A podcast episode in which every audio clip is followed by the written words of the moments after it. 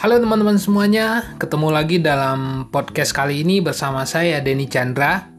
Yang pada kesempatan kali ini akan membahas atau mereview sebuah buku yaitu buku yang berjudul Slow S L O W ditulis oleh para kontributor dari Great Mind diterbitkan oleh penerbit Studio Geometri dan merupakan cetakan ketiga pada Agustus 2019 dalam kehidupan sehari-hari mungkin kalian sering melihat atau menjumpai orang yang lagi antri di sebuah kafe atau kedai kopi di lobi gedung kantor sambil menelpon membahas mengenai bisnis atau pekerjaannya. Kalau sekilas kita melihat, mungkin orang tersebut seakan tidak peduli dengan keadaan sekitarnya ia hanya fokus pada pesanannya dan setelah membayar sambil berlalu dia tetap dengan ponsel yang menempel di telinga. Atau ada juga orang yang sehari-harinya dihabiskan dalam berbagai pertemuan dan rapat mulai dari pagi sampai malam. Atau yang lain setiap hari harus menghadiri berbagai jadwal, mulai dari rapat, arisan, peresmian gedung baru, launching produk, lelang lukisan, sampai pesta atau undangan dan lain sebagainya. Atau jangan-jangan kalian termasuk salah satu di antara orang-orang sibuk tersebut. Karena memang di mata masyarakat modern saat ini, menjadi seorang yang sibuk sama artinya dengan meniti jalan menuju kesuksesan. Namun sesungguhnya kita masih bisa menjadi sukses tanpa harus hidup tergesa-gesa. Menyederhanakan hidup serta menjalaninya dengan santai bukan berarti kita malas hanya saja dengan lebih sa sedikit santai artinya kita memilih untuk fokus pada satu hal tertentu yang lebih penting dalam hidup ini. Senada dengan hal tersebut dan menjawab permasalahan kehidupan modern saat ini, Great Mind hadir sebagai media yang mengedepankan konsep mindfulness dan slow living dengan kontennya yang selalu berusaha menularkan pemikiran-pemikiran positif sebagai asupan jiwa.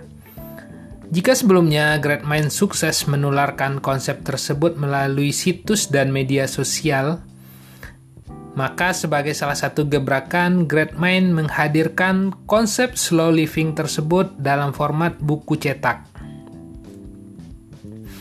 Buku yang berjudul Slow ini disusun bersama para kontributor yang merupakan public figure yang memberikan perspektif mereka mengenai hidup yang lebih santai dari berbagai aspek.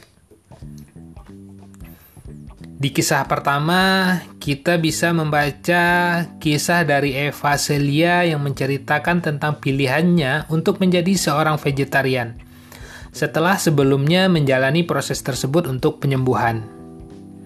Setelah menjalani pola hidup veganisme, walaupun sedikit banyak berpengaruh pada tawaran pekerjaan yang didapatkannya, tetapi Eva Celia merasakan hidupnya menjadi lebih seimbang.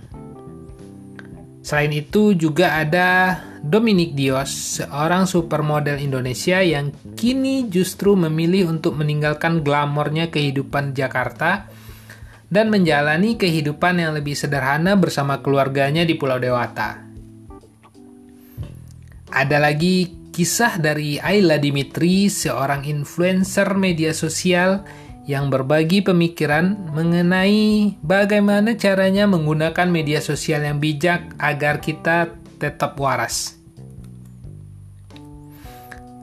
Tak ketinggalan, ada sosok Andi F. Noya yang juga ikut berbagi kisahnya tentang menemukan makna hidup dan memilih mengundurkan diri sebagai pemimpin redaksi Metro TV saat dirinya berada di puncak karir.